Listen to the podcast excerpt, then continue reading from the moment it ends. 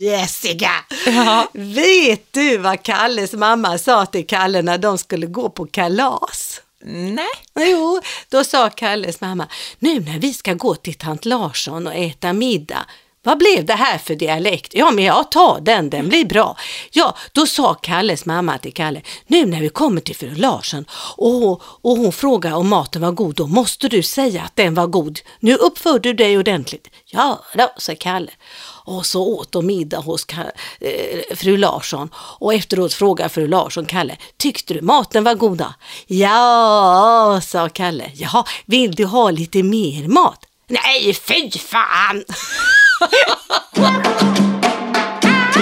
Hej och välkomna till Monkeypodden. Eh, podden som eh, handlar om hur det är att vara en människoapa. Ja, just det. Eh, podden eh, som nu ska ta reda på hur det är att ha pappor, eller? Ja, pappor i allmänhet Ja. kanske. Ja, lite i allmänhet också. Men jag tror att vi kommer bli lite personliga här kanske. Ja, och va, va, va, vem är Kalle? Ja, den här historien. Det var sånt där som min pappa kom med jämt. Han kom alltid med historier. Hela min uppväxt är historier. Och det var snuskiga historier och det var barnsliga historier. Alltid en liten historia. Pappaskämt. Ja, no, nej, eh, nej, verkligen inte. Utan det var liksom eh, vuxenskämt. Han sket ju att jag var ett barn. Det, det, det struntade han för. Att jag var tjej och barn, det struntade min pappa i. Men det finns något begrepp sådär, så här, pinsamma Ja, pappahistorier ja, och pinsamma pappaskämt. Det är så, åh, så här, Ja. det är typiskt pappaskämt. Ja, alltså, man, ja. man, man, man, lite, man skäms lite och samtidigt är det lite spännande Ja, och, ja. och det är lite roligt. Och, och, ja, det, det blandade känslor kring när ens pappa ska vara sådär lite tokrolig och eh, skämtsam. Jag var alltid stolt över min pappa när han skämtade. Ja, bra. Ja, för att han, han, ehm, han var ärlig i sitt uppsåt att berätta en historia, inte att fjäska in sig hos mig. Just det. Det var det som var grejen, tror jag. Mm. Utan han drog sådana där historier. Det var han som skulle måla eh, ett staket. Och, och första dagen gick det ju jättefort. Han målade väl två meter på, på första dagen. Ja, det gick ju under. Sen nästa dag gick det lite långsammare och tredje dagen ännu långsammare och fjärde dagen, ja men då var han tvungen att gå fram till den här killen som skulle måla staketet och sa, men varför tar det så lång tid? För varje dag tar det ju bara längre tid för dig att måla det här staketet. Ja, det blir ju bara längre och längre till burken. Nej, men... Jag flyttar burken med det då. Ja, vad gulligt. det är sånt som min pappa höll på med. Ja, det är fantastiskt. Ja, ni- pappor, pappor, men ni, pappor. din pappa lever inte längre. Nej, Det gör inte min pappa heller. nej. Hur var din pappa mer privat? För nu, jag upplever att jag hade två pappor. En som var min, hans uppdrag pappa och en person, privatperson eller karaktär då? Karaktär. Ja, alltså jag uppfattade alltid min pappa eh, som ganska transparent. Han var sig själv. Både som pappa och, och som, som människa. Jaha, ja. Vi, vi, han, han, han, någonting som jag verkligen uppskattade med min pappa, det är att han var otroligt så här, vänlig och tillmötesgående. Han var ingen machotyp eller skulle hålla på och visa upp sig eller liksom kaxa eller ha en sån här typ, liksom, ja men tuff mansroll, utan han var en väldigt så här vänlig och otroligt omtyckt och omtänksam person. Alla, alla som, som, som jag har träffat och, och där han bodde så, ja men han var en snäll, snäll man. Och man, man tyckte om snäll. honom. Ja, han, han ägnade hela sitt liv också åt att hjälpa andra människor. Han, han var ju ambulansförare. Ho. Så han fick ju se så mycket saker. Ja. Och lyckas hålla sig lugn i de här, du vet, han har fött barn i, i eller Ja, förlö, förlöst barn, han, är inte han har förlöst barn i hallen och han har tagit reda på stora svåra trafikolyckor och, och han, han var otroligt lugn person. Han var lugn och, och väldigt sådär, ja, eh, fin. Ja. Eh, Min pappa var inte lugn. Nej. Nej, han var aldrig still. Han eh, var aldrig tyst. Det bullrade och lät om honom hela tiden. Han var eh, otroligt stark. Alltså han hade händer som dasslock. Han var inte speciellt lång.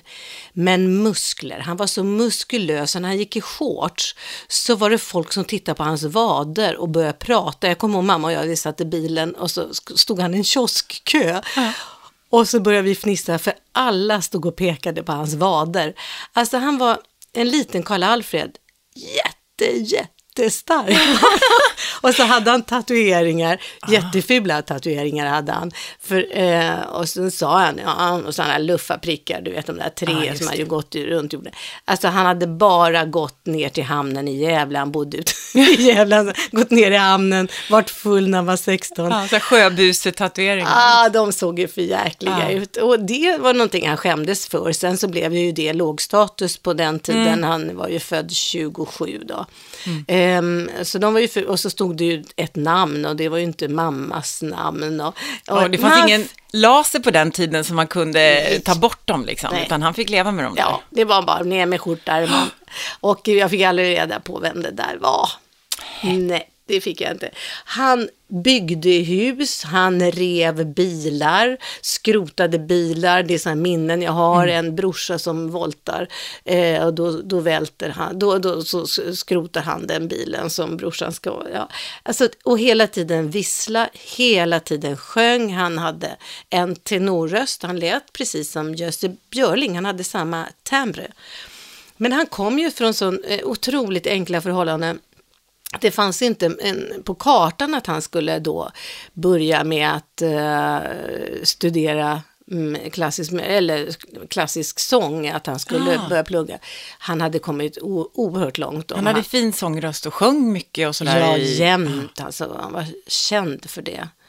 Eh, att han alltid lät. Eh, ja, och så var han snäll också och hjälpte alla. Så mm. fort det kom någon så stannade världen. Eh, och så hjälpte han till. Och, och uppfinnar-Jocke var han. Han såg till ganska tidigt att han hade en verkstad. Så, ja, nej men ska man ha en grävs, eh, gräsklippare då bygger man en. Ska man ha en jordfräs då bygger man det. så, ja. så det var alltid eh, med hammare och skruvmejsel. Min pappa var otroligt mycket mer intresserad av människor ja. än av saker. Det var inte min pappa. Min, han var intresserad av konst, samlade ja. på tavlor, var jätte jätteinspirerad ah, av ah. olika konstnärer och samlade på, på, på konst och så. Och sen älskade han musik. Mm. Så att han lyssnade jättemycket ja. på musik, men, men sjöng och spelade inte själv, utan var, han var en lyssnare, ja. min pappa. Och sen så älskade han ju fotboll. Jaha. Han var ju sportkille. Han var Men det gjorde nog min pappa också. Ja, man har väl sett, har inte du så också suttit i vardagsrummet och det är OS eller vad Nej, det men sån här Tips Extra var det på den tiden. Varenda ja, lördag. Varenda lördag skulle man titta på Tips Extra. Och det hade tippats, och sen hästar såklart. Spela på hästar också var Just det, min pappa spelade aldrig på någonting. Nej. Nej, men han tittade på fotbollsmatcher. Det skulle man vara med och titta på. Ah. Ja, han, ja, ja, ja, ja. Han, han, han, sa. Men du, eh, om man tittar på det där, vad, vad betyder det? Har vi påverkats av de här personligheterna? Hur mycket har du fått av generna, tror du? Generna från din pappa? Ja. Var sitter de? ja, men det, det är väldigt roligt, för att jag är ju faktiskt, jag var nästan, jag var över en dess längre än min pappa. Jaha. Ja, jag har ärvt min, min farfars längd tror jag, för ja. farfar var lång. Ja. Och det var också väldigt speciellt att jag när jag i tonåren växte om min pappa. Ja men för satan! Vad konstigt! Och han gifte ju om sig, alltså mina föräldrar som jag har berättat skildes ju när jag var sex år ja. och han gifte om sig. Eh, och på deras det här nya bröllopsfotot då är jag någon form av så brudtärna. Och jag är längst av alla, alltså jag är ju liksom nästan ett huvud längre än min egen pappa. Det I någon gullig klänning. Ja, det ser för roligt ut alltså. Oh, så, så, så, det, själva längden, nej den har jag inte ärvt, men, men, men, ganska, vi är ganska lika i, visst jag tycker att vi är lika i ansiktsdragen. Ja. Um, och sen så är vi, han var ganska så här, men, atletisk, späd och lätt att bygga muskler och, och där, så det mm. känner jag liksom mm. i kropps... Um, kroppsformen mm. så är vi ganska lika, även om jag blev mycket längre då. Så, ja.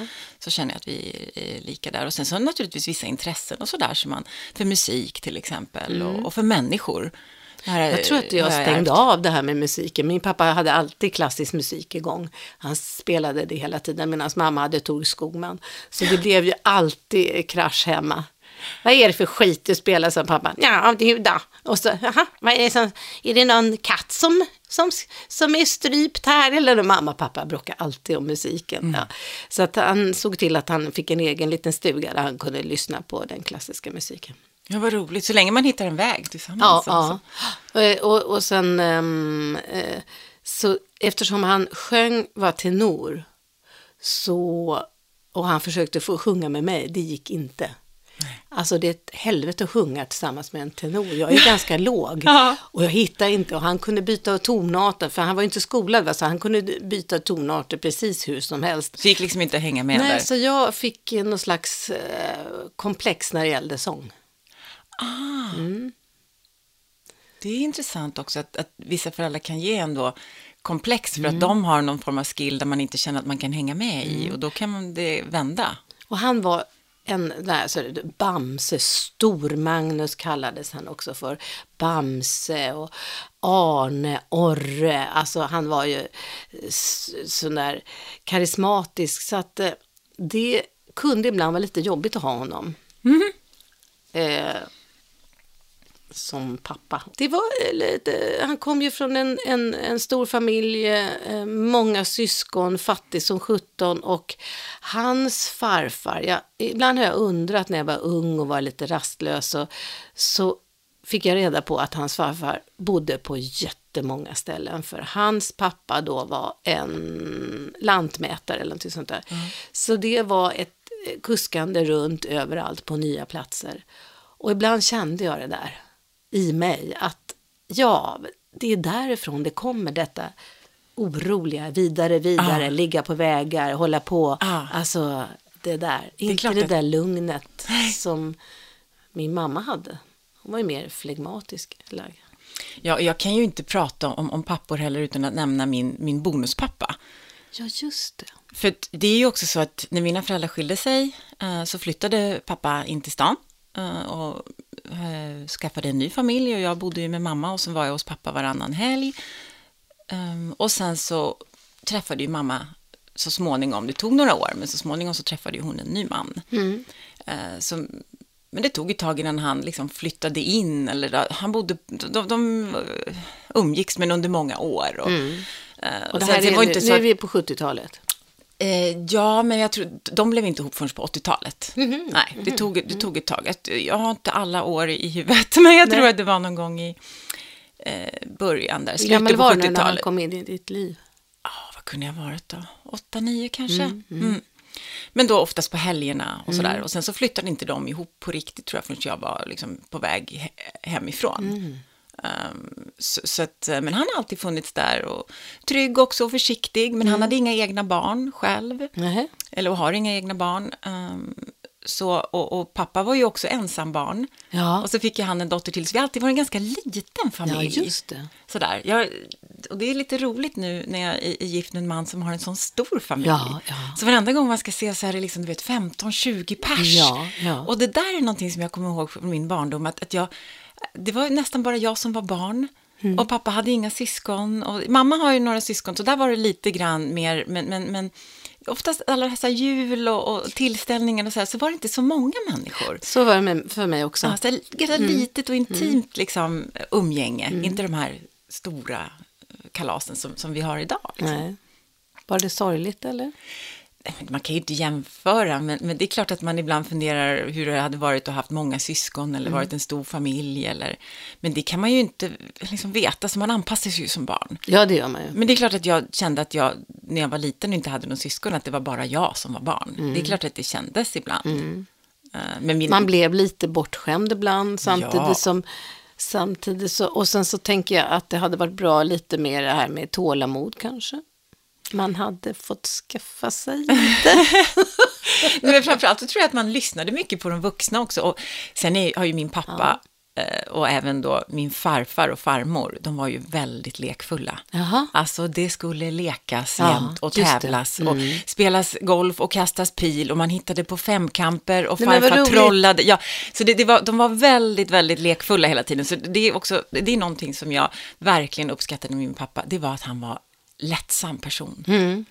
att han eh, alltid såg något liksom, glatt i allt. Alltså Ja. han kunde ändå le eller Så roligt. skoja bort. Vi pratade om ibland, och det kan bli frustrerande ibland att man skojar bort saker. Mm. Men det kan också vara väldigt ibland skönt. Ja, det är så kul att höra dig berätta om din pappa, för det berättar så mycket om dig och det landar så mycket.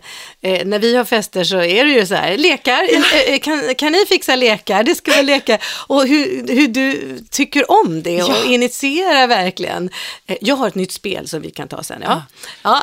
Nej, men jag älskar det här Ja, att spela ja, spel och ja, lekar ja. Mm. och femkamp och liksom så här att, att, men att, att även fast man är vuxen att få leka lite. Liksom, Mm. Det är väldigt rolig umgängesform. Ja, Det är det verkligen.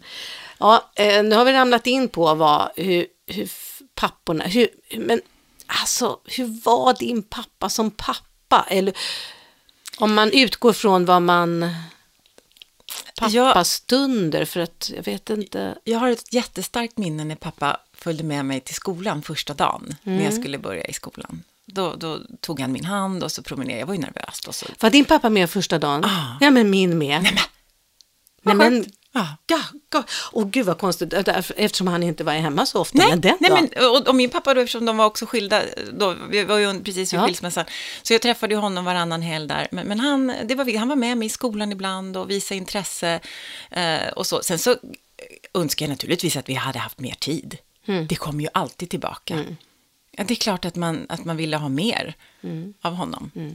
Eh, och det var framförallt väldigt påtagligt när han blev, blev sjuk eh, och sen gick bort. Mm. Det kan jag fortfarande känna att jag verkligen hade velat haft mer tid Mm. med min pappa. Ja, vi har inte kommit fram till döden ännu. Nej. Nej, jag, jag säger det också, jag kommer ihåg första dagen så tydligt eftersom han inte var med så mycket så misstänker jag att man kommer ihåg de här stunderna som de är med.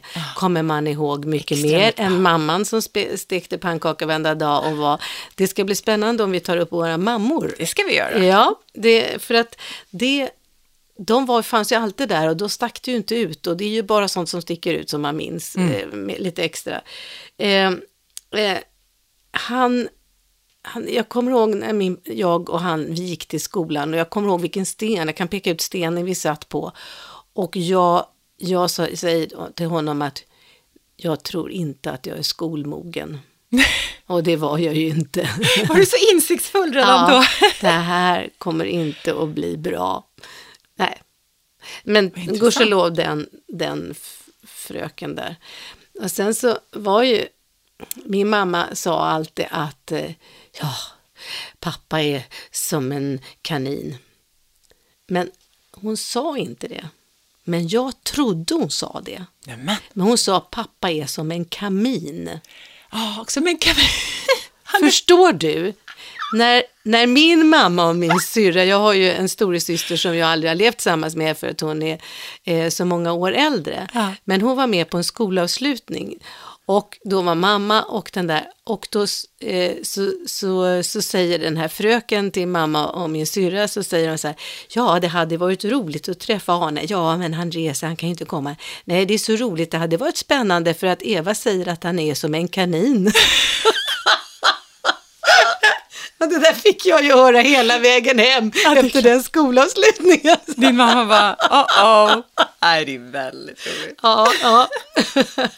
Han, eh, så han, han, han, och jag kände hela tiden att, eh, Vilka, förlåt, vilka bilder du måste ha fått i huvudet Ja. när hon säger att han är som en kanin. ja men jag såg att han var varm och god att ha i sängen, inget annat. Jag visste inte vad kanin stod för.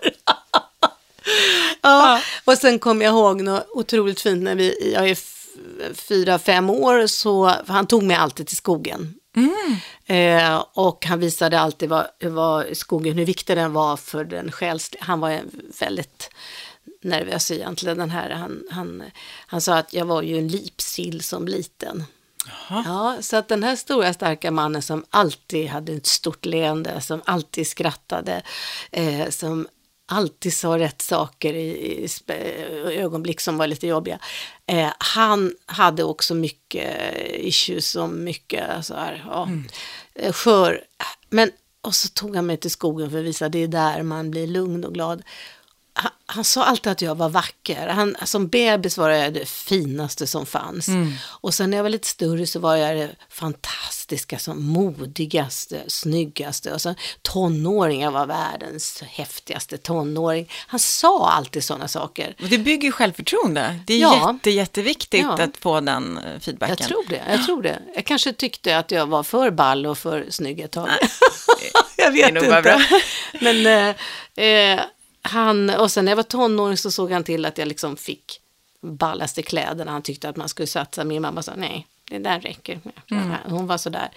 Um, som bebis när jag skulle födas, så här säger lite grann om min pappa att han, han broderade mitt första örngott. Men gud vad pyssligt och liksom gulligt. Ja. Eva sådär. Han satt och väntade och så satt han och broderade Eva med små gula fåglar. Åh, ja, det var gulligt.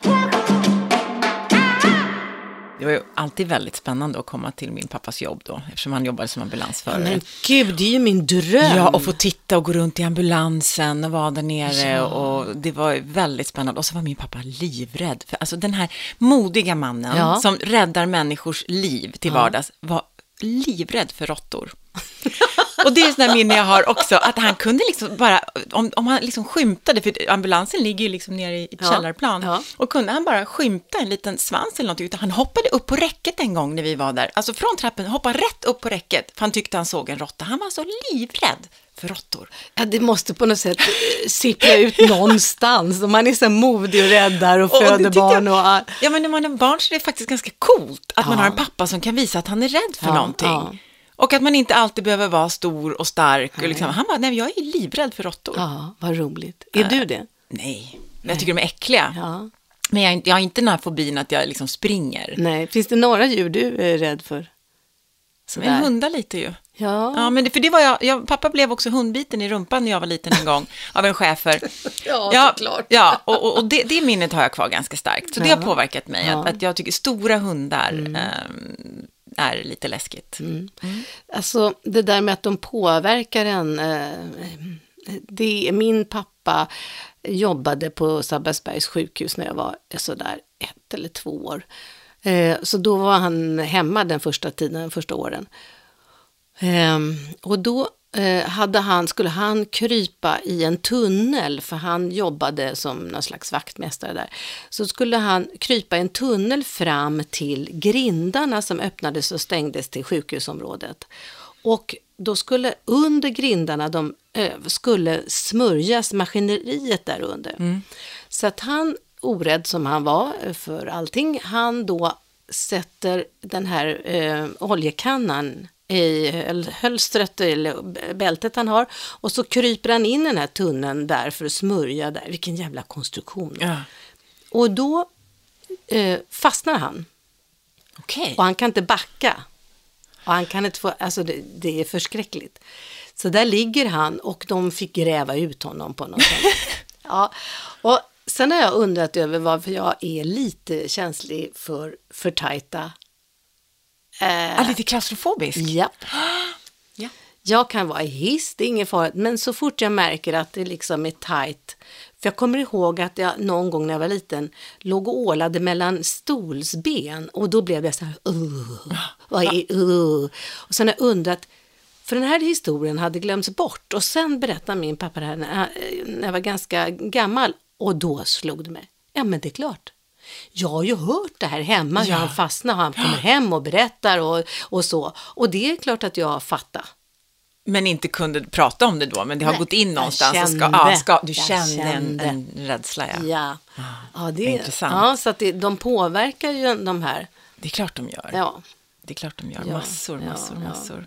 Han tog också med mig på massa arbetsplatser. Jag, ibland följde jag med på hans resor. Eh, och det, han brydde sig inte om att jag var tjej. Ibland har jag undrat, eftersom det tog nio år för min pappa att få till mig. Det var inte något med mamma, utan det var med pappa. Och sen sades det alltid att, ja, men sen gick pappa, som mamma sa, till någon professor dött, dött, dött, och då fick han en spruta rumpan och då simmade de där spermierna och då blev jag till. Så det tog nio år för dem att göra mig. Ja.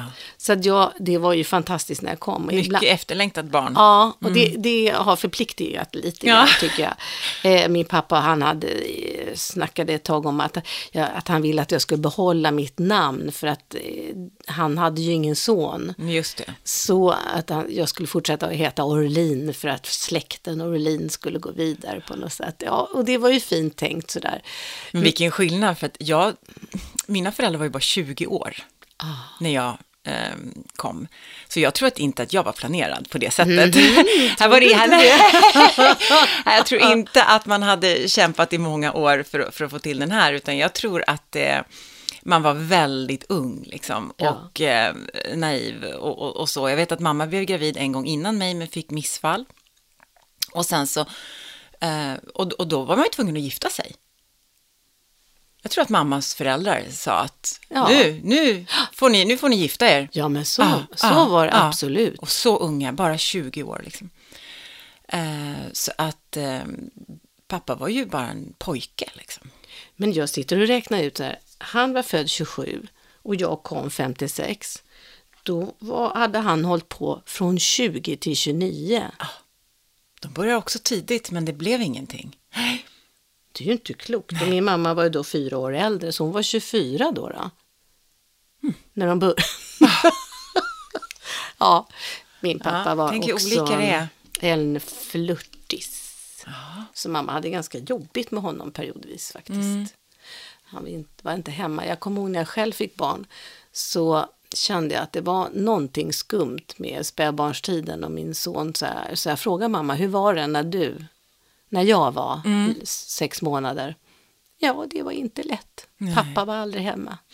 Utan de bodde på Stora Essingen och då, han älskade att simma där. Han var en sån här långsimmare. Han simmade runt Essingöarna, Mhm. smetade in sig i något, ja, le, så så här fett. På den tiden simmade man ju bland bajskorvar. Det var inte ro- roligt vatten på den tiden. Eh, och så han höll till nere i vattnet eh, vid strand, eh, alltså badstranden på Stora Essingen och flörtade. Så det var, hon hade inte så himla lätt, den där skärmpellen. Han såg ju ut som eh, Humphrey Bogart. Så, att, mm, så han försökte leva upp till något sånt. Alltså jag har väl svaga minnen av att det var lite stökigt när jag var liten, men, och det var inte så konstigt, man tänker på att de var ju bara Nej, liksom, exakt. 23-24 Ja, år ja. och, var ju inte klara. Nej. Liksom, var knappt färdigmyeliniserade. exakt, exakt. Nej, men alltså, vet vi det. alltså, jag kan inte tänka mig, förstå om jag skulle ha blivit mamma när jag var 20, my god. Ja, jag hade inga problem, jag var 19. Jag vet.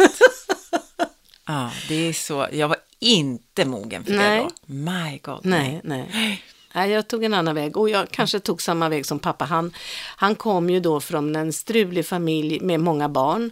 Han, eh, mamman var ensam där och när han träffade min mamma så tror jag att äntligen en kvinna, en familj, den här ska jag försvara för att han kunde inte försvara sin mamma och den familjen. Det, det var alldeles för struligt då, och han, eh, det, det var ju, eh, han blev ju satt på ungdomsvårdsskola för att hans familj, mamman klarade inte barnen. Så SOS kom och hämtade alla barnen och han placerades upp i eh, Tornio. Ja. Och då blir man verkligen mån om att ta hand om Ja. sin egen när man väl får en. Så jag tror att när han träffade mamma och hon hade ett litet barn på två år och, och ehm, så skulle han bli hjälten i hennes liv. För han hade ju inte kunnat bli det i mammas liv. Nej, Men ser, din, ser du då honom som en bonuspappa också? Ja. ja. Vad skönt. För de, eh, de levde ihop några år där eh, och sen så adopterade han henne. Så, så att det blev också Ja. ekonomiskt Ja, men också vad, jämnt. vad tryggt, vad schysst. Mm, mm. Det var väl jä- jättefint Mm, gjort. mm. Ja, han, han tog med mig då. då. Eh, han tog mig till Uddevallavarvet. Jag kommer ihåg hur det var att gå där bland alla män. Så där. Ja, pappa var jättestolt över mig. Ja, ja och så var hon så lik mig också. Ja. kan säga. Så här. Och sen Ja. tidningstryckerier har jag varit och så där. Eh, stora ar- arbetsplatser. Mm. Och jag tänker ibland så här, vill han ha en, en son istället?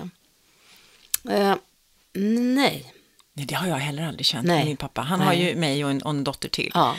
Eh, och jag har aldrig känt att det var något konstigt. Alltså han har inte heller varit en så här typiskt manlig figur, att, att det var någon skillnad för att vi var tjejer. Eller liksom, det, har nej. inte ens varit någon diskussion. Vi har fått vara fria, han var ju väldigt förstående sådär. Ehm, och vi har fått vara som vi har Ja. velat vara. Han Ja. var väldigt öppen med, med Ja, det. men alltså, liksom. ja, och så här, ja, men det här förstår du Eva, ett luftgevär, man skjuter, här har du. Ja, så stod jag och sköt luftgevär. Så att det, så. Men sen när, när min son så blev ju morfar oerhört viktig. Ja. Det är verkstaden och eftersom min son också, han, ja, det var det första leksaken han hittade så var det ju en skruvmejsel, eller en kniv som man gjorde om till skruvmejsel. Ja. Så, så fann de varandra väldigt mycket och, och då fanns pappa i det att han hade liksom ett barnbarn som han kunde dela verkstaden med. Så att, eh, jag var inte så intresserad av hans varvar och sånt där Nej. bilmex på det sättet. Jag fick också lära mig hur en hembränningsapparat fungerade. Och vilken svets man behövde för att göra en hembränningsapparat. ja, då lärde han ut. Han, Det, det fick jag lära mig av min bonuspappa. ja, ja, där ser man. Det var tider. Han var lite mer, han är mer en handyman, han, han Ja. tycker om att snickra och fixa, han var super, är superhändig. Ah, då fick du Eh, båda så jag fick. Ja, och det tyckte jag var intressant också att se För någon du som är verkligen... ju händig också. Ja, jag älskar och, och någonting som jag fått från min pappa, det är kärleken till att måla om. Alltså måla, han var, han var målare från början, min pappa, innan han blev ambulansförare. Mhm. Så hade han, jobbade han på målarfirma och sådär. Och jag tycker det är väldigt roligt att måla om hemma. Och göra, jag, jag, Ja. njuter, jag blir väldigt lugn av att få sitta och måla Ja. på en vägg eller måla en dörr eller liksom. Vad jag roligt. älskar att måla. Min pappa målade och byggde som sagt var. Skulle de ha ett hus så eh, de byggde ett hus på landet. Men han var ju så jäkla envis också och det skulle gå på, på, på hans sätt också då. Så att allting blev ju lite konstigt och han tog inte reda på hur lång en säng skulle vara till exempel. så det var alltid för korta sängar. Så han var lite snabb och slarvig också. Ja, ja, ja, jag ritade han ett hus, ja, då, då skaffade han sig rit så att det skulle se ut som en arkitekt hade ritat dem och så skröt han om att det såg ut som en arkitekt hade ritat. Ja, utifrån såg det ju bra ut, han en trappa med två fönster, det här var lillstugan då som han skulle göra. En trappa med två fönster ritade han, det såg fint ut utifrån. Ja, ja så, så byggde han det där, men bara det att det var bara det att fönstren var ju lagom för naven. Förstår? Han gjorde var en trappa, nej! Han gjorde en trappa upp när man kom in, ja, ja, utifrån var väl okej med fönstren, men när man kom in så var liksom huvudet var där fönstret slutade. Ja, och, och sen hade han ju då gjort proportionerna så att sängarna blev ju, all, och sängar skulle man bygga själv också, alltid för korta sängar. Alltså du hade legat med fötter och huvudet utanför, för han var ju så kort själv också. Och en gång så byggde han en båt och den, den, den, den döpte vi till Tredajan där, för den var så liten. Han klinkerbyggde jättefint och så. Alltså det var så lite så man kunde inte sitta två i den. Ja, envist. ja, det var lite roligt. Sen, sen var det ju jobbigt med honom också. Just för att han, han var så mycket. Så jag var tvungen att hålla honom på avstånd lite grann för att själv få växa till. Eh, och bli en egen, inte pappas fantastiska dotter. Jag måste bli en egen. För om jag satte mig och ritade, då kom han och ritade alltid mycket finare. Ah, han var lite så också. Ja, hejdlös. Han tänkte sig inte för riktigt där. Så vi hade en stor diskussion, jag kommer ihåg det när jag var liten, eftersom vi tävlade väldigt mycket då, Mhm. om, om ibland, alltså man skulle ju om reglerna då, så att jag fick vinna. Ja, Och ibland vet jag att pappa som var så snäll, Ja. han kunde liksom ibland låta mig vinna och sådär. Och, och farfar tyckte inte riktigt det var okej va, Nej, och sådär. nej. Och några andra tyckte att nej, men barn ska spela på samma regler, de ska lära sig att förlora Ja, och sådär. ja. Så det var en stor diskussion, han ville nog, min pappa tror jag, han ville nog gärna att jag skulle liksom få känna att jag, jag han var så snäll. Ja, så Och det- var sagt att, snäll. Ibland har vi sagt att pappa var för snäll, Ja. att han sa liksom inte ifrån. Och han var alltid så tillgänglig och, och, och, och liksom sådär. Eh, Så att, eh, han sig, sa aldrig ifrån. nej, Han sa aldrig nej. nej, och det har jag också ärvt. Och, och, och det är lite roligt för att han, vi har aldrig haft något riktigt stort bråk, jag och min pappa. Vi har aldrig liksom stått och skrikit. Oh my på- god, jag och min pappa har skrikit på varann tusen gånger. Det var, han var, nej, vi har inte bråkat och sådär, stått och skrikit och sagt, jag har aldrig hört min, min pappa liksom svära eller säga några onda ord till mig, liksom, aldrig. Nej, nej, han har inte sagt några onda ord. Men diskussioner in absurdum. Och jag kunde trigga igång och hela min familj, min, mina män jag har haft som har stått ut med honom också och sonen så här, mamma, ta inte det där, Nej. ta inte det. Eh, jo, jag skulle bara vilja säga. Och så var jag igång. Och då, då gick alla ut. Men jag älskade denna. Alltså, vi kunde verkligen. Och jag... Det, var ju eh, ta, diskussionstaktik. Alltså, det, det handlade om eh, strategi. Ah. Det var ju så roligt. Jag skulle sätta dit honom till varje pris. Men han var ha- hal som en ål, den jäveln. Alltså. nej, men- Och ändrade åsikter och då blev jag så jävla arg. Så, du, du, alldeles för en stund sedan sa du du, du, du, du, Du fick lära dig liksom argumentera och diskutera med Ja. honom. För jag ville nog bra. ibland så här, skrapa lite på pappa. Ja. Och, så här, och ibland om jag hade något, något svårt problem eller var upprörd och, så här, och kunde ringa, då sa han så här, men du, du kan få prata med, med min fru här. Alltså han ville hellre liksom, att jag skulle prata med hans fru Ja. om det var något svårt och jobbigt Ja. och komplext. Ja. Än, så han ville inte riktigt... ehm, nej, han, han, han, nej. Och det, och det respekterar jag, lärde jag mig att respektera. Ja. Att han, han ville hellre liksom göra saker som var mjuka och gjorde, Mm. inte, alltså som var trevliga och lättsamma. Eh, och ibland kunde det vara frustrerande såklart. Mm. Men samtidigt så får man ju respektera det, att han ville inte eh, skrapa mer, så att säga. Jag kunde skämmas för min pappa för han, han, han gick alltid omkring halvnaken. Han blev ju med åren ganska tjock. Jaha. Eh, och då blev det varmt så då klädde han av sig och gick han- och han var aldrig blyg. Eh, han var aldrig blyg. Eh, eh, och det hade han mycket glädje av sen när han blev sjuk. så, Jaha. för att nej, det, läkarna kunde göra vad som helst, han var aldrig blyg och jag kunde hjälpa honom väldigt mycket. Men han gick ju upp fyra på morgonen, det var så ångestfylld människa på något sätt. Upp fyra på morgonen och då skulle alla andra också gå upp, för då skulle han sjunga. Jävlar, han skulle hålla på att sjunga. Ja, man sa, kan du inte vara tyst? Nej, men ni måste ju vara med om soluppgången. Mm, kanske du, men inte vi. Jo, ni måste upp. Och så sjöng han, det är inte klokt att sova bort eh, livet. Så, så kunde han sådär, ja. Och sen somnade han framför soffan och snarkade och låg med huvudet, du vet, eh, 90 grader. Bra, Apné, Ja, ja. Och, och när mina män har kommit in i mitt liv så här, vad gör han? Ja, nej, det är så det är. Och min mamma, Arne, skrek, Arne, vakna!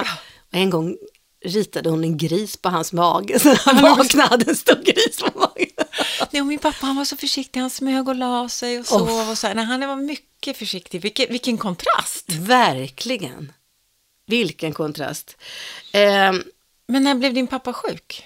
Ja, han, jag kan säga att från denna elitidrottsman som tävlade i simning, som hade konsthopp.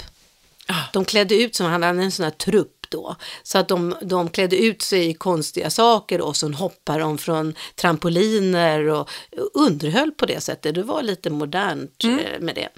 Så vid 35 års ålder ungefär, då slutade han att röra på sig. Okej. Mm. Och blev tjockare och tjockare. Eh, eh, han eh, reste ju och satt i bilen. Mm. Så, eh, och rökte. Ja, det gjorde min pappa Och också. drack. Och åt. Och rökte och drack.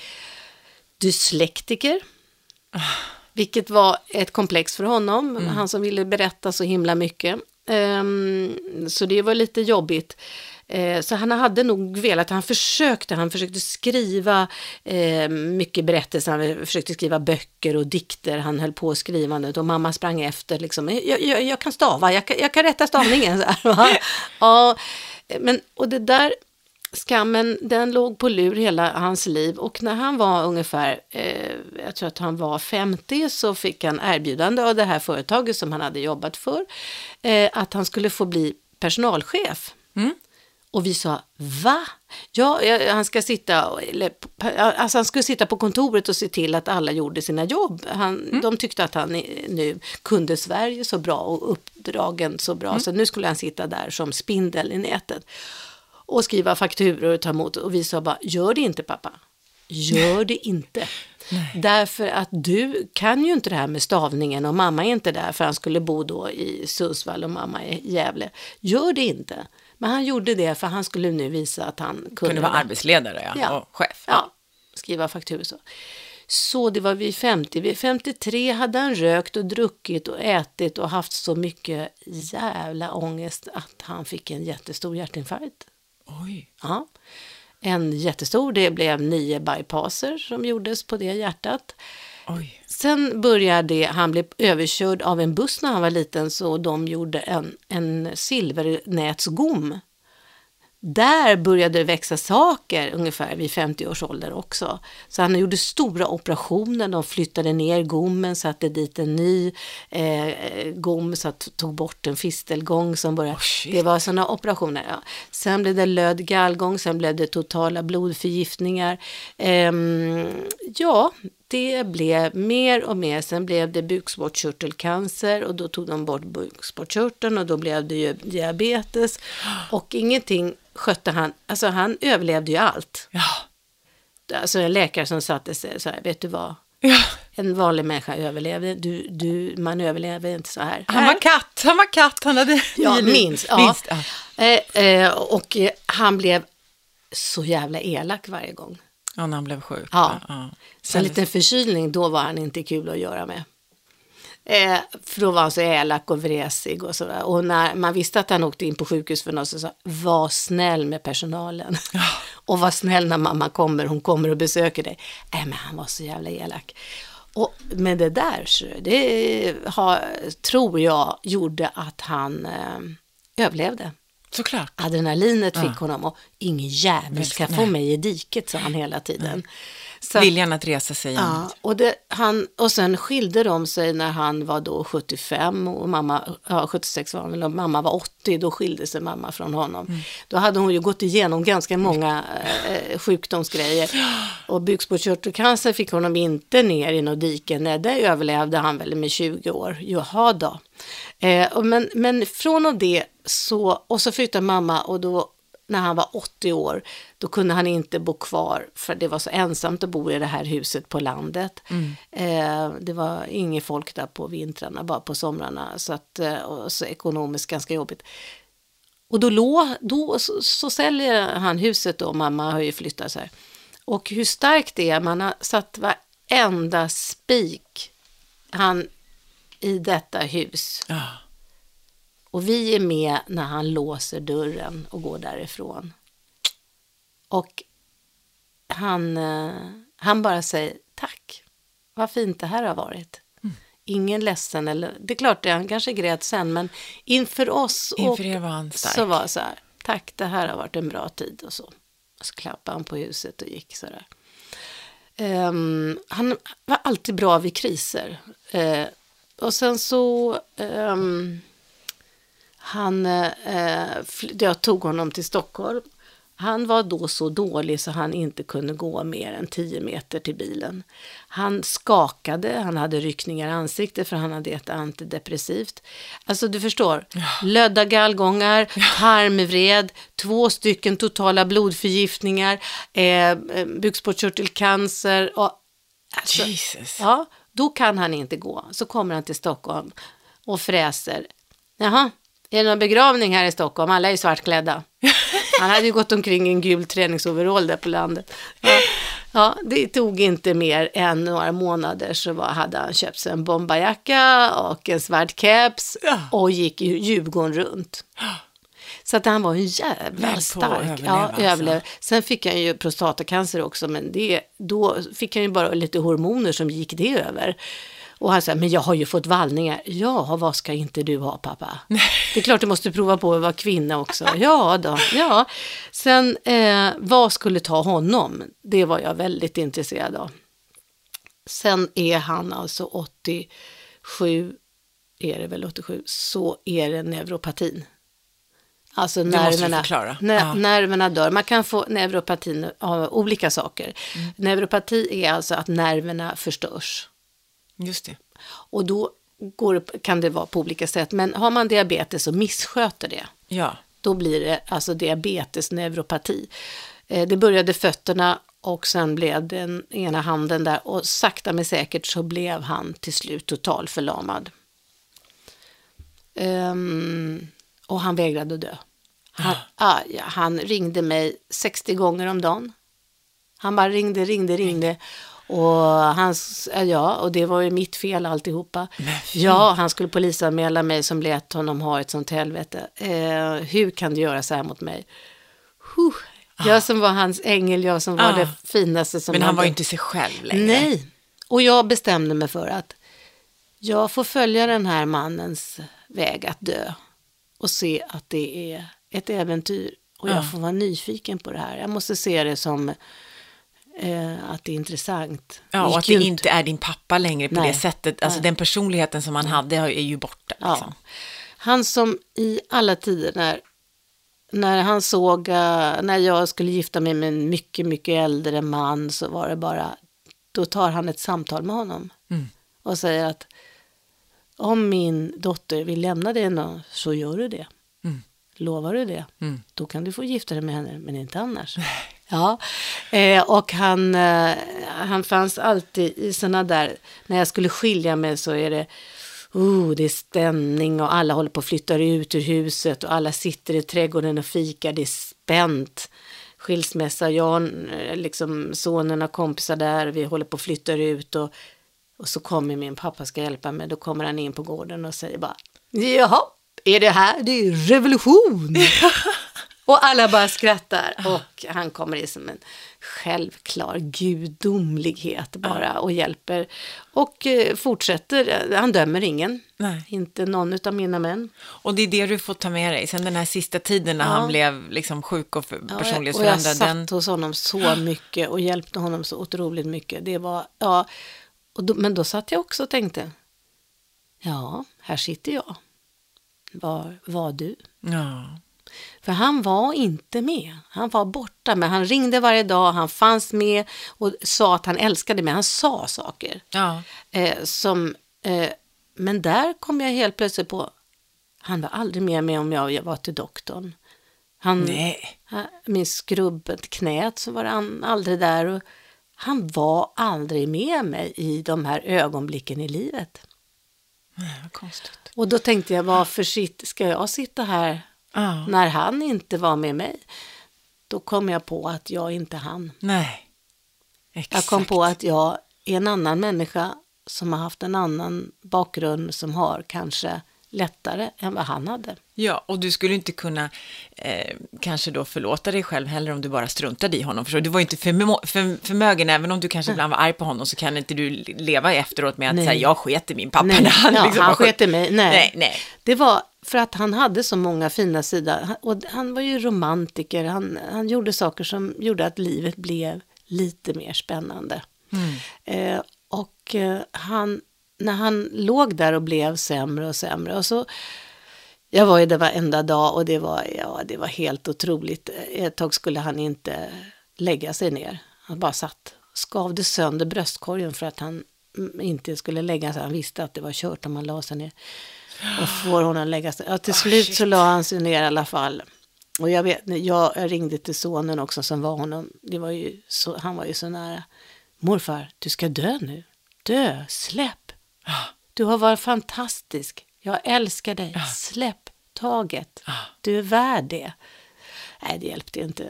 Ja, gud så många gånger de ringde och sa nu, är det, nu håller han på att dö. Nej, nej. Ja, och sen så, men så blev det ju mindre. Han kunde ju inte röra sig utan det var ju bara munnen som bet i ett örngott. Ja, det är hemskt att se någon. Usch. Så, så, så är det ju då eh, en eh, fredag och vi ska ta upp båten på landet på lördag och jag kommer dit och de säger att ja, det närmar sig nu. Mm. Och då låg han i sängen och man kan se när de här, de här eh, kinderna åker in lite. Ja, Då är det tydligen lite nära. ja. När käkarna börjar slappna av liksom, och sjunka och då- tillbaka. Då gjorde jag så att jag tittade på hans... Oh, det blev känsligt. Ja, jag förstår det. Ja. Jag tittade på hans tatueringar och tänkte det här är sista gången. ja. Och sen tog jag pulsen på honom. Okej. Jag satt och höll pulsen och tänkte, "Ah, det är sista gången jag hör hans puls. Och, och så la jag med honom på hans bringa. Åh. Och sen så åkte jag därifrån och så ringer de på lördag och säger ja nu är han uppe. Jaha, är han uppe nu? Ja, nu är han uppe. Ja, vad bra, jag, kom, jag kommer imorgon. Nej, men det- Jag, han var... kom, jag kommer imorgon, ja. Och sen ringde de på natten till söndagen då. Ah, Och då, då var han det. ah. Och då, du var inte där när han dog? Nej. Nej, Nej usch. Alltså, det, det, är sån, det är sån chock att få det där beskedet alltså. Men jag tycker inte att det gjorde någonting att jag inte var där. Nej. Han bad mig följa honom in i döden. Han sa följ med mig, sa han. Nej, men. Ja. Nej men pappa, ja, han, han ville ha sällskap. Ah. Följ med mig. Ja, jag kan följa med dig. Eh, på ett sätt. ja. Men jag måste nog stanna kvar lite tag Ja. till. Ja. Det, det, det är ju nå, någonting man, man, gör själv. Alltså, min eh, svägerska jobbar på sjukhus och hon säger att de flesta väljer ändå att, att dö när, när någon går på toaletten eller går ut. Alltså, man, man, alla är inte helt bekväma i att, att släppa taget när det sitter en massa folk runt omkring. Ja. Det är ganska vanligt. Sen kan jag tänka mig också när man umgås med människor, man, um, människor är runt omkring, då går ju stress, adrenaliner, kortisol, Ja, allt sånt ja. där går igång. Så att man, ska, man är ju en social människa så man vill ju vara social. Eh, och sen vet man ju själv också, så fort människor går hemifrån, lämnar det på kalas eller man ligger sjuk och någon går ut, ja. nu passar jag på att sova Ja, lite grann. ja. Så jag kan tänka mig att, att man passar på att somna lite grann. Så, lite. Men med den dö- dödsångesten som min pappa hade och hade överlevt så himla mycket så, så var det ju en, en människa med mycket stark dö- dödsångest. Så det gjorde ju... Ah, herregud. ja, ja. Ja, och det är sån otrolig skillnad. För att, alltså min pappa fick ju eh, ett cancerbesked. Eh, att det hade börjat i, i magmunnen och sen så hade han fått metastas. Han hade ont i magen. ehm, och sen när han väl då fick liksom besked, då var det ju liksom obotlig cancer. Och sen, sprider sig också. ja, och sen så var han eh, död ett och ett halvt år senare. Och inte under hela den perioden ville han prata om döden. Nej. Han tyckte knappt om att prata om sin sjukdom. Alltså han ville inte, när, han, när vi sågs då ville han äta god mat eller titta på något tv-program tillsammans eller spela spel eller leka med barnbarnen. Så han ville inte fokusera på att han var sjuk eller ta för mycket plats, att den här sjukdomen skulle få ta för mycket plats. Han, han var otroligt Stoisk, låter det Ja, som. Ett sånt ja. ord. ja. Och, och, och sen så, så, och jag hade väl någon form av bild, sådär som du vet, att, som det är på filmer också, att man har det här pratet. Han visste ju att, att det var på gång, men att man skulle ha det här, eh, man går igenom livet lite grann och man sitter där och håller varandra i hand och man pratar och sådär. Och det, det, Och så ska han säga, jag älskar dig. Ja, och jag är så stolt över det. Allt det där. Nej, men, och det, det han liksom, hans liksom inte riktigt med, för han gjorde massa behandlingar in i det sista. Han var alltså hemma dagen innan. Eh, och hans fru tog så otroligt väl hand om honom. Han hade vård i hemmet också och, och hon fanns där vid hans sida 24 timmar om dygnet. Så de hämtade honom på kvällen klockan nio och skulle skjutsa in honom till sjukhus för hans värden var lite dåliga. Och, och hon åkte hem och, och, och, och jag, hon ringde bara och sa att han har åkt in och så ska jag komma hem. Hon bara, nej, nej, men det är lugnt, du kan komma imorgon. Och sen ringer hon morgonen efter, när jag är på väg till jobbet, och berättar att han har gått bort. Och då ingen var där, han bara smög iväg. No drama, ingenting. Han bara åkte in och sen somnade in. Precis som när man blir till. Ja, men det var, ja, exakt. ja. Ja, han gick på samma väg som Ja, jag. ja. Och, och, och då kastade jag ju mig eh, hem såklart och sen så, så kom min man och så, så körde vi till sjukhuset. Så jag hann ju fram medan han fortfarande var varm. Mm. Och låg där så stilla och slät och lugn och fin och utan liksom smärta. Och utan, ja, det var så fint. Och jag kommer ihåg att jag liksom klappade honom på kinden och, så att, och sen så Mm. fick alla en liten stund för sig själva. Och det var så, det var, så där, det, det var Mm. precis som, alltså, tänk att man dör lite grann, eller jag säger inte att alla är det, men det får mig att tänka på det. Din pappa som var så stor och det var så mycket drama kring honom och han tog så mycket plats. Till och med hans död gjorde det. Och min pappa som var mycket mer försiktig och mild och liksom inte ville vara till besvär och inte liksom att skapa något nå, nå, nå jobbigt för någon annan. Han bara smyger iväg. Min mamma gjorde också det, hon bara sov lite mer. Och det, det var också... Otroligt ja, olika. Ja, mycket skönt. Jag, jag eh, ska nog försöka se till att um, jag börjar bli som min mamma lite mer. Sova lite mer. Ja, alltså det andra var inte bra. Nej, jobbigt. Ja, det var, det var väldigt jobbigt för honom. Att, eh, han blev ju precis 88 och, och, det, och det är mycket med tanke på att han blev sjukpensionär vid 53. Ja, och min pappa blev bara 69, det är alldeles för lite. Ja, det är alldeles för lite. Det han gick, alltså det är det jag säger också så här, om jag finge få mer tid med honom. Alltså jag tänker Ja. på det varje dag, han är ju så närvarande varje dag. Även fast de går bort så är de ju så närvarande. Ja. Det var det som slog mig allra mest. Ja. Att jag, eh, sen så jag tittar ju fortfarande på telefonen och förväntar att han ska ringa ibland och sådär. Han, han ringde ofta och sådär. Eh, men att, och jag tänker väldigt mycket på honom. Och jag har också ändrat vissa beteenden. Ja. Alltså så här, jag har börjat också så här, tippa på hästar på lördagarna. Där, och, och, och, och liksom, För det där man saknade, när de fanns, då stod de för saker och Ja. ting och var saker och ting. Och Ja. man, ja, det är min pappa, ja, så här. Jag började också bete mig lite som min pappa när han dog. Tog jag också upp saker. Jag började tänka så här att eh, jag måste bli lika spännande som han så att nästa generation kan prata om mig. Herregud, ja.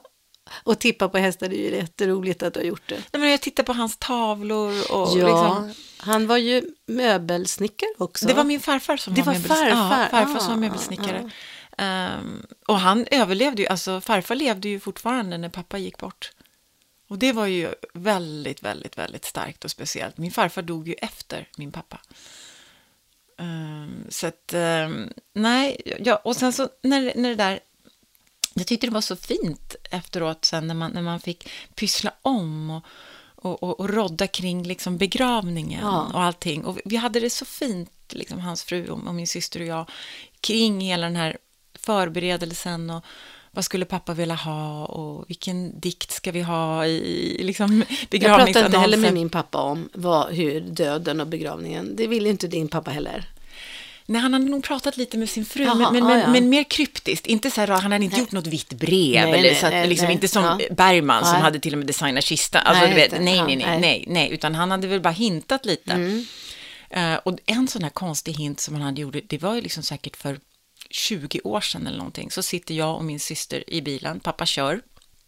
Och sen så spelas det en låt på radion. Och då säger pappa så här, den här låten skulle jag vilja ha på min begravning. Mm. Och så började vi alla gråta såklart. Det Ja. var ju helt sjukt. Och det var, men det var ju jättelänge sedan. Ja. Då planterade han den. Så, och vi båda två kom, på, kom ihåg det nu. Ja, så ja. vi, naturligtvis spelade vi den sen på hans begravning. Men inte på, mot slutet så, så pratade han inte om, om, om det. Så du fick också göra den begravningen du ville, så att säga. Ja, eh, han trodde ju inte på det här med kyrkan och, och det.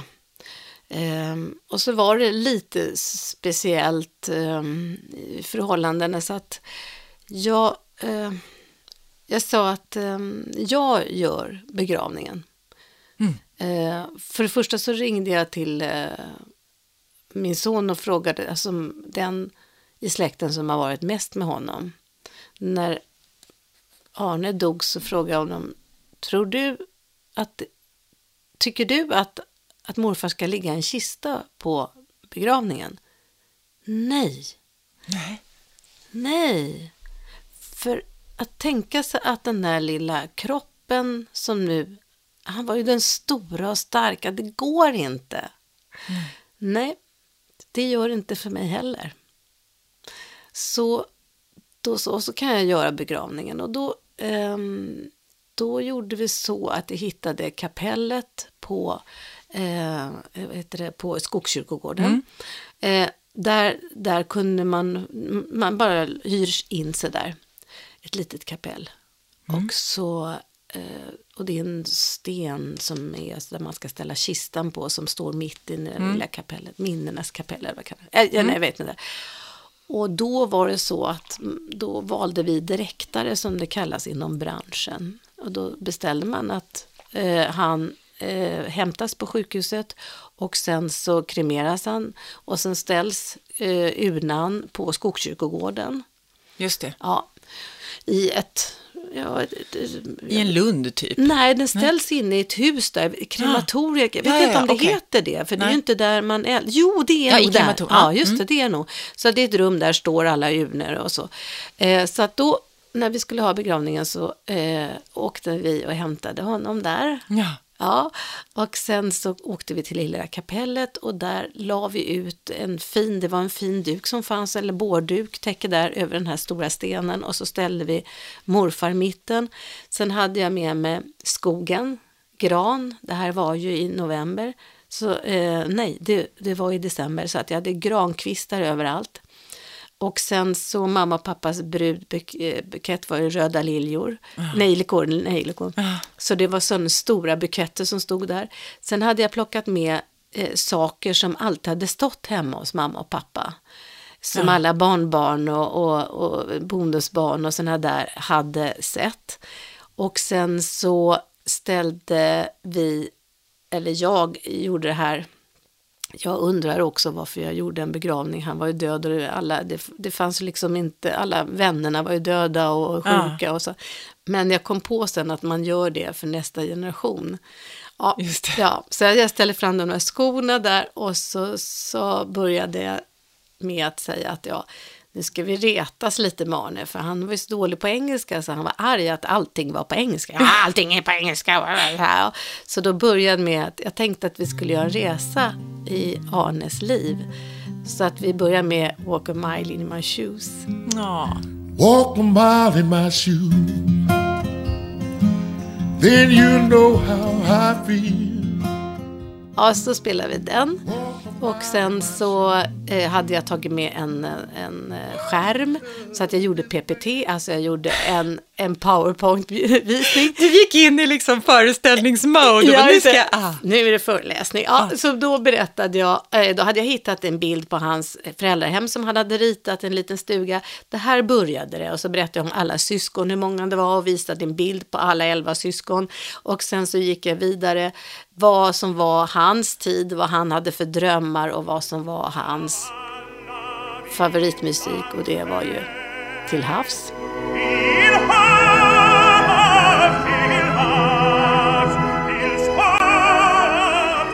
Ja, då var det bara att sätta sig och storgråta där en liten stund och så ställde jag mig upp och så fortsatte jag att berätta vad, eh, vilka eh, idoler han hade på eh, för Humphrey Bogart och Nils Poppe. Han såg ut som de två där också, så den lilla, den lilla kraftiga killen. Och sen så hur hemmet och alla som hade varit där, alla barn och alla kompisar, alltså sonens alla kompisar som har varit i det där huset och hemma och med morfar och, och de har byggt snögrottor och alltihopa. Och sen så var det det där med, med livet, att han tyckte att det var häftigt och då, då blev det ju nästa låt och då blev det Nessun Dorma.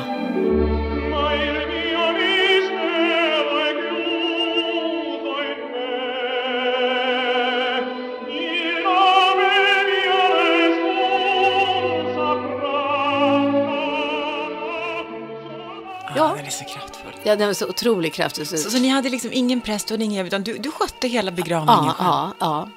Och så låg det äpplen där också. Och så hade vi hundarna med och de gick och hämtade äpplen. Och sen så kom sonen och la en snusdosa där. Morfars blä blä.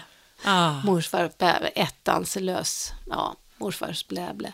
Och så ehm, sen så, och så ja, lite grann, jag kommer inte riktigt ihåg hur det fortsatte, men då skulle vi defilera fast vi bara var den lilla familjen sådär. Eh, Så då gjorde jag så att jag hittade, han sjöng ju alltid, ville sjunga med mig alltid, Vem kan segla för utan vind?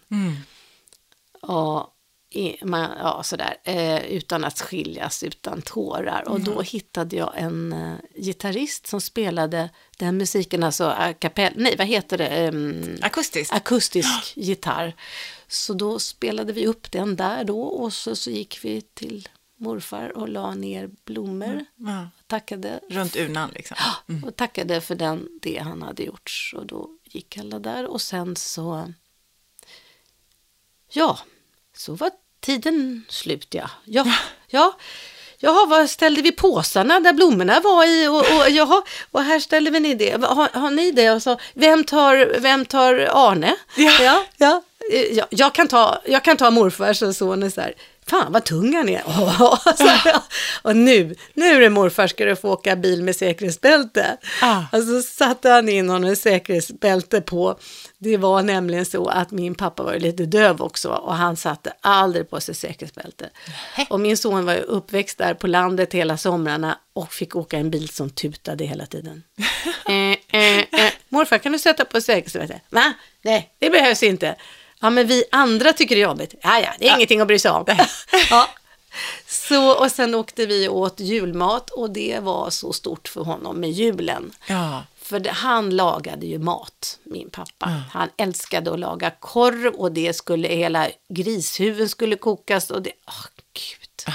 Så då åt vi en julmiddag i hans ära. Ja, fint. Jag, Hade en räv där också, för han hade en räv när han var liten. Jaha. Mm. Som kom spontant och kikade lite. Ja, de, de umgicks med en räv och så. Ja, coolt. Så då såg jag till att det finns en räv.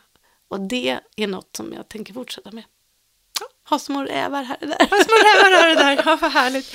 Ja, nej, vi, vi hade också en väldigt lugn tillställning för pappa. Han ville, för det, det vet jag att han sa, det berättade hans fru, att han inte ville ha en stor begravning. Nej. Så vi var också ett litet kapell och det var bara närmaste familjen.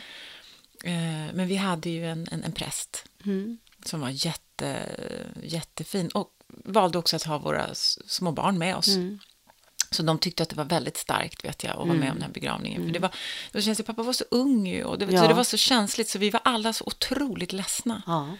Så det, ingen av oss hade varit kapabel till att styra upp det där. Liksom. Så att det var väldigt, tyckte jag då, tryggt och skönt Mm. att, att få ha en präst där som var väldigt förstå, förstående och lugn och hon var, hon var väldigt, väldigt fin. Och det, det kan jag säga, när, när man får göra en begravning, jag har gjort eh, en begravning till, eh, då förstår man hela begravningsceremonin, vad det är, eh, vad de gör. Eh, och det, det där med att man sjunger tillsammans, hur viktigt det är och att var och en får ta sitt avsked och att vi tillsammans gör ett avsked. Men man ska komma ihåg att jag är van att stå på scenen. Jag vet. Så Ja. att det, det är ju därför som det blir lite enklare för mig att göra det. Ja, och, och du har också tror jag, ett intresse och en vilja av, av att göra det. Och det, det var liksom ingen av oss som... Nej. Ehm, men däremot så hade vi då valt musiken och vi hade också tagit med oss, eh, valt, men du vet, man väljer kista, man väljer blommor och, och för oss var det så här självklart att han skulle ligga i den där kistan och man vill ha en sån vadderad kista. Du vet, du kan köpa kistor som inte är vadderade, utan som är lite mer kala i locken och Ja, sådär. Är ja. lite, och vi bara, så här, nej, det vill vi inte. Han ska vara omhull, han ska vara ombäddad, han ska ha det mjukt och skönt Men, men i kistan. död. Ja, men, men det var jätteviktigt för oss. Ja. Jätteviktigt. Och det var så fint. Och sen så med blommorna och allting. Och sen hade vi ställt en liten ambulans där och även hans Mm. Med små personliga saker liksom, som var viktiga för honom på kistan och fina blommor. Och sen så eh, när- var vi tvungna att spela den här låten som man ville ha på sin begravning. Då. And you'll no longer burn to be brothers in arms. Oj. Ja, den är så fin. Och sen så hade vi också pratat, jag och min syster och hans fru, eh, vad, vad pappa tyckte om och, och som han hade också hintat om. Och det var den här låten som vi spelade.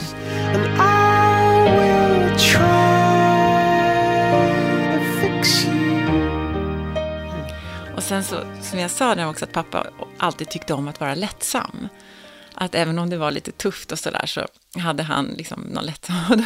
Och hans absoluta favoritsång Ja. Så här, han älskade, älskade Johnny Winter. Han tyckte väldigt mycket om gitarr, hård, liksom rockmusik. Ja. Så när vi sen ska defilera då runt, Ja. när alla går runt och Ja, går fram och lämnar en, en ro, så, så i det här kapellet då, på liksom högsta volym, så drar vi på den här.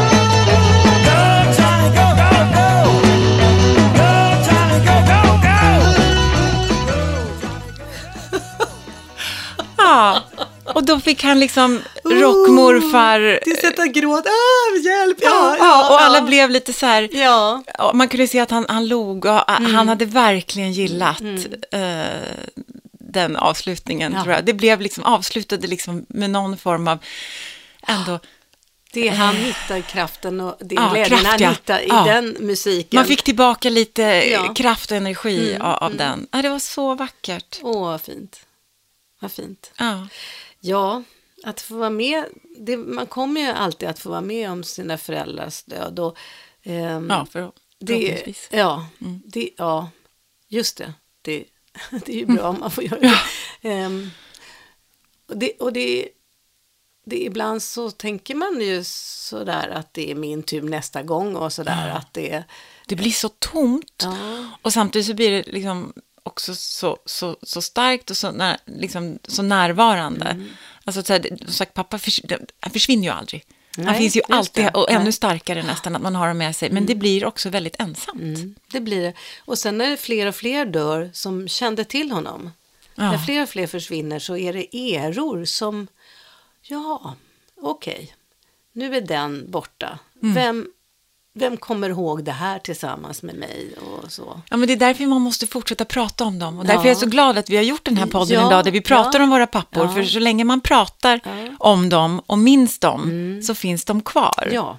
Så, och, och berätta Men liksom ibland för... är det för mig faktiskt att jag saknar honom så mycket så att jag passar mig om jag hör någon med samma timbre, alltså samma, eh, vad kan man röst eh, som låter likadant som en pappa, samma, eh, så, då, då går jag. Ja, Det går, jag klarar inte det ännu. nej.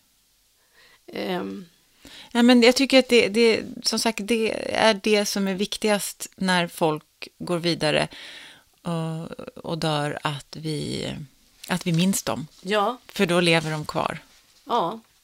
Det, det är jättemysigt och jag kommer ihåg att eh, min födda dotter sa Åh, vilken fin begravning, nu vet jag hur jag ska göra med dig. det var ju faktiskt därför jag gjorde det. Ah. För att för mig var det så här, men pappa är död, det räcker, hej då. Men det är för att vi, och jag märkte att jag inte hade, vi, vi skaffade en plats på Skogskyrkogården också som vi kan gå till. Ja. Och vi, vi har aldrig gjort det, min mamma och pappa, aldrig, vi har inte gått till deras döda eller farmor, de var döda innan jag kom till. Så, här, så att för mig så har jag sagt, jag har slarvat med det där att föra vidare. Ja. Så jag försöker att vi ska gå till Skogskyrkogården, komma till Arne och berätta vad som har hänt under året. Ja, och, och vi, pappa ligger i Lunden. Mm. Eh, och det är också så fint att Ja. gå dit. Eh, och jag har varit där så fort jag för, kan. Alltså, sen bo, bor ju inte jag i, i Sala längre, så det går inte att, att åka dit så ofta. Men när jag är där så försöker jag alltid titta förbi Lunden. Och det, Ta en liten stund och, och reflektera och, och tänka. Och, Och berätta, och då kom jag på när jag berättar om eh, vad som, ja, som berättar om vad som har hänt här året, så för jag ju, då, då blir det något fint för barnen att reflektera över vad som, ja just det, vad har jag gjort i år? Det kan man lätt glömma bort. Eh, jag tänker att jag ska föra vidare från min pappa. Eh, jag försöker vara en bra förälder. Det jag såg att min pappa gjorde, det gjorde han eh, att nästa generation klarade sig. Så jag tänker att jag ska alltid hjälpa till. Det, ha, om jag ringde till min pappa kom han. Och han sa, jag kommer om det så regnar småknivar. Och höra ens pappa säga det. Och han gjorde det.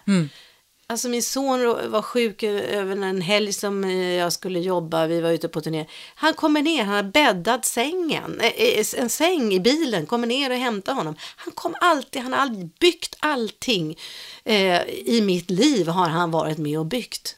Mm. Och då tänker jag att nu måste jag göra sånt som går vidare, går vidare. För om han, jag visar min son så kommer han att visa sin son som kommer se, ah, alltså, man för det vidare. Ja, Ja. det han har gjort gör att mina barnbarn lever vidare. Vad fint. Mm.